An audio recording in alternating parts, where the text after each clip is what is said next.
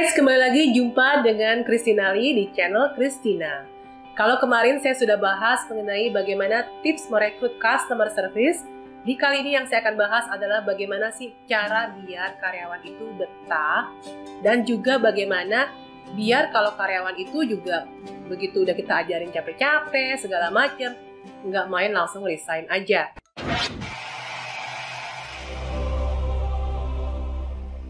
Buat kalian yang ingin tahu tipsnya, jangan lupa subscribe channel ini dan klik lonceng yang di sebelah tombol subscribe. Yuk kita simak aja. Biar karyawan betah itu gimana sih caranya? Udah capek-capek ngajarin, eh tahu-tahu resign. Bete kan? Yang akan saya bahas pertama-tama adalah bagaimana menghadapi karyawan yang main resign aja dan gimana cara pencegahannya. Tips pertama, biasanya karyawan itu mulai baru betah kalau dia kerja ada temennya. Jadi ketika kalian baru pertama kali mau mulai hire karyawan, usahakan hire itu dua orang sekaligus. Tips yang kedua, pastikan job desk-nya itu jelas. Buat kalian yang bisnisnya masih merintis, ketika kalian interview, setidaknya kalian harus jelasin, kamu nanti masih kerjanya itu sebagai seksi repot ya, Nah, meskipun mereka kerjanya masih sebagai seksi repot, tapi pembagian job desk itu harus tetap jelas. Misalnya kalian hire dua karyawan. Karyawan yang pertama tugasnya adalah melayani customer dan merekap data pesanan. Lalu karyawan yang kedua tugasnya adalah mulai dari packing, kemudian sampai update resi. Bisa juga dia bagian yang uh, ngecek mutasi rekening apakah pembayaran betul sudah diterima. Oke, okay, tips yang ketiga, biasanya biar karyawan yang masuk itu nggak tahu-tahu muntaber, muntaber itu maksudnya mundur tanpa berita. Biasanya UKM atau bisnis-bisnis yang baru merintis itu masih melakukan praktek tahan jasa. Menurut saya ini sebenarnya nggak apa-apa, asal sudah persetujuan dari si karyawan tersebut. Karena memang uh, masih banyak bisnis yang melakukan ini, mungkin karena karyawannya itu akan memegang data-data penting. Kalau dia mau ijazah dikembalikan, setidaknya dia harus mengikuti prosedur perusahaan di mana dia harus memberikan one month notice baru ijazahnya dikembalikan. Nah, bisa juga dengan melakukan uh, cara seperti ini, pembagian sistem gaji dan bonus. Jadi gajinya itu diberikan di tanggal 1, lalu bonusnya itu setiap tanggal 15. Nah, tapi kalau misalnya kita punya karyawan itu masih cuma di bagian support yang nggak ada hubungannya sama sales, bisa juga dengan ya ya udah tinggal bilang, oke okay, gaji kamu misalnya 3 juta. Tapi 70% pertamanya saya akan berikan di tanggal 1, 30% sisanya baru saya akan berikan di tanggal 15. Seperti itu juga bisa asal kalian jelaskan ini di awal interview. Jangan tahu-tahu ketika dia udah masuk baru kalian melakukan itu. Itu tidak tidak fair ya. Cara ini adalah cara yang saya terapkan di kantor saya sendiri, sehingga ketika udah dapat gajian di tanggal 1, karyawan yang tahu-tahu mau resign kabur gitu aja juga dia mikir-mikir dulu. Oh iya masih ada sisa 30% gaji saya yang baru akan diberikan di tanggal 15. Jadi setidaknya dia itu masih mau memberikan one month notice ketika dia ingin resign. Tapi saya sendiri juga orangnya uh, fair-fair aja ya, maksudnya nggak mesti ketika dia ngomong di tanggal 1 dia baru boleh resign di tanggal 1 bulan depan. Setidaknya misalnya ketika dia ngomongnya di tanggal 1 lalu misalnya saya sudah mendapatkan gantinya dalam waktu seminggu atau dua minggu, ya sudah dia boleh resign setelah itu dan tentunya semua hak-hak dia pasti akan saya berikan mulai dari gaji, bonus yang masih tertahan, pasti saya akan berikan semua. Nah, lalu gimana sih biar karyawan itu betah kerja sama kita? Nah, ini berikut tips-tips. Yang pertama, tentunya dia harus nyaman. Nyaman itu sangatlah penting.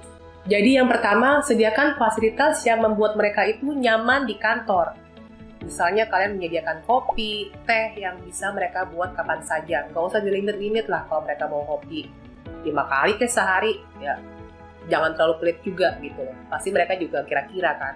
Yang kedua, jika karyawan kalian banyak yang muslim, sediakan juga tempat sholat yang layak. Tempat sholat ini banyak menjadi pertimbangan juga buat para karyawan. Ada juga uh, karyawan yang pernah resign ya, kalau saya dengar dari teman saya, kenapa resign? Karena kalau mau sholat mesti keluar kantor jauh segala macam karena tidak disediakan tempat sholat di dalam kantornya. Yang ketiga, jika lokasi kantor jauh dari pemukiman penduduk, ada baiknya kalian juga sediakan mes buat karyawan dilengkapi dengan dapur sehingga karyawan juga bisa masak di situ. Nah, mes ini juga bisa digunakan oleh karyawan lainnya untuk fasilitas ketika mereka break istirahat dan mau nyantai-nyantai di sana, bahkan tidur siang. Ya udah terserah selama itu jam istirahat. Oke, selain nyaman, apalagi yang bikin karyawan merasa betah? Adalah kebersamaan. Sering-sering deh ngumpul. Biasakan tuh dua minggu sekali gitu ya, ada kan makan siang bersama. Bisa dengan agenda uh, review kerjaan juga. Jadi Ketika makan bersama ini, kalian bisa melepas batasan antara atasan dan bawahan atau head of departmentnya dengan anggota-anggota timnya. Bahkan banyak sekali hal-hal yang bisa kalian kulik ketika makan siang bersama ini, seperti hal-hal yang terjadi di lapangan, yang mungkin kalian sendiri nggak lihat gitu loh ketika udah pada mulai sibuk dengan pekerjaan masing-masing. Kemudian sebulan atau dua bulan sekali bisa juga adakan kegiatan bareng yang mungkin nggak ada agenda kantornya gitu loh. Seperti kayak nonton bareng kayak nggak mesti kita juga yang bayarin gitu. Mereka bisa aja bayar sendiri-sendiri. Terus ya, Bu mau ikutan nggak? Pak mau ikutan nggak nonton? Nah, di sini kalian juga bisa membangun kebersamaan yang lebih solid jadinya. Kemudian enam bulan sekali bisa juga kalian mengadakan outbound atau keluar kota. Uh, nginep lah semalam atau dua malam di luar kota gitu ya bisa dengan uh, agendanya itu membahas rapat semesteran di mana tiap head of department kalian itu mempresentasikan progres-progres pekerjaan mereka, kemudian apa saja sih masalah-masalah yang terjadi di lapangan selama enam bulan, dan tentu saja feedback mereka bagaimana agar perusahaan itu bisa menjadi jauh lebih baik lagi. Bahkan di kantor saya sendiri juga kami melakukan program 100 hari menjadi lebih baik. Setelah 100 hari kita review ulang jadi kita kumpul-kumpul lagi, kita tulis lagi apalagi nih selama 100 hari ke depan yang bisa menjadi lebih baik. Seperti itu. Nah, selanjutnya juga ada pentingnya kita tuh mencatat setiap tanggal ulang tahun karyawan. Jadi dari lamaran yang masuk kan dia pasti suka masukin tuh uh, tanggal lahirnya. Itu dicatetin aja. Nah, ini penting juga kenapa? Sebisa mungkin tuh kita merayakan ulang tahunnya mereka di kantor. Nggak mesti heboh-heboh, cukup dengan kayak beli kue ulang tahun aja tuh udah cukup banget gitu loh. Bahkan ini bisa meningkatkan kekompakan para karyawan lain tuh untuk kayak bikin surprise buat si yang ulang tahun ini. Nah, jika yang ulang tahun di bulan itu bisa sampai dua atau tiga orang, ini bisa dirayakan bersama-sama uh, ketika makan siang barengan tuh yang diadakan per dua minggu sekali. Jadi bisa sekaligus tiup lilinnya di situ. Dan yang kelima, kalau bisa nih ketika ada yang nikahan atau ada yang lagi bikin acara dan mengundang kita, ada baiknya juga kita tuh usahain datang gitu. Karena hal ini sangat berarti loh buat mereka. Bahkan kalau misalnya kalian muslim gitu ya pada saat perayaan lebaran, coba deh kalau memungkinkan dan ada uh, rumah karyawan yang cukup dekat, silaturahmi aja, kunjungi, datang gitu. Hal-hal simpel seperti ini tuh bener-bener melekat banget dan akan selalu diingat sama mereka. Ini yang akan membuat mereka tuh makin nyaman bekerja dengan kalian. Selain kebersamaan dan kenyamanan, Apalagi yang bisa kita lakukan? Lakukan review seminggu sekali. Bukan kalian yang nge-review langsung, tapi minta head-head department kalian yang nge-review. Ini kalau karyawan sudah mulai banyak, tentunya kalian pasti pelan-pelan akan memiliki kepala gudang, kepala customer service, kepala operasional, minta tiap kepala ini yang melakukan review mingguan kepada tim-tim anggotanya. Kecuali kalau misalnya karyawan kalian baru lima orang, bisa langsung dengan kalian sendiri. Jadi di review mingguan ini yang ditanyakan apa? Setiap kepala itu harus bisa menanyakan apa yang membuat kamu senang dan tidak senang bekerja di sini. Pertanyaannya simple, tapi nanti hasil jawabannya itu bisa menunjukkan segala macam mulai dari curhat, kendala yang terjadi di lapangan, atau feedback-feedback yang akhirnya bisa sangat berarti buat kemajuan perusahaan dan perbaikan dari workflow. Ini yang penting. Dan juga ketika review mingguan ini, karyawan pun juga akan merasa pendapat dia itu didengarkan. Karyawan pun juga merasa bahwa dia itu juga diperhatikan. Nah, di review mingguan ini pun juga si kepala ini atau kalau misalnya kalian yang interview langsung bisa sekaligus memberikan feedback atas kerjaan mereka tuh selama seminggu terakhir. Apa yang kurang, apa yang bagus, apa yang perlu ditingkatkan dan jangan segan-segan memuji karyawan jika mereka memang bagus kinerjanya. Jadi itu adalah tugasnya head dan sangat penting untuk melakukan ini one on one. Jadi benar-benar uh, jujur gitu, kita bisa dengar pendapat mereka masing-masing dan ketika ada masalah kita bisa melihat dari sisi-sisi pandang yang berbeda. Nah, hasil review mingguan ini yang akan akhirnya direkap oleh head of department kalian untuk kemudian dimeetingkan dengan kalian sendiri setiap minggunya. Akhir kata ada quote dari Richard Branson yang sangat saya suka yang berbunyi kurang lebih seperti ini. Ajarilah karyawan Anda sampai dia bisa sepintar Anda sehingga dia bisa aja ninggalin Anda gitu. Tapi perlakukan karyawan Anda sebaik mungkin sehingga dia, meskipun dia bisa aja ninggalin Anda, tapi tidak akan melakukan itu.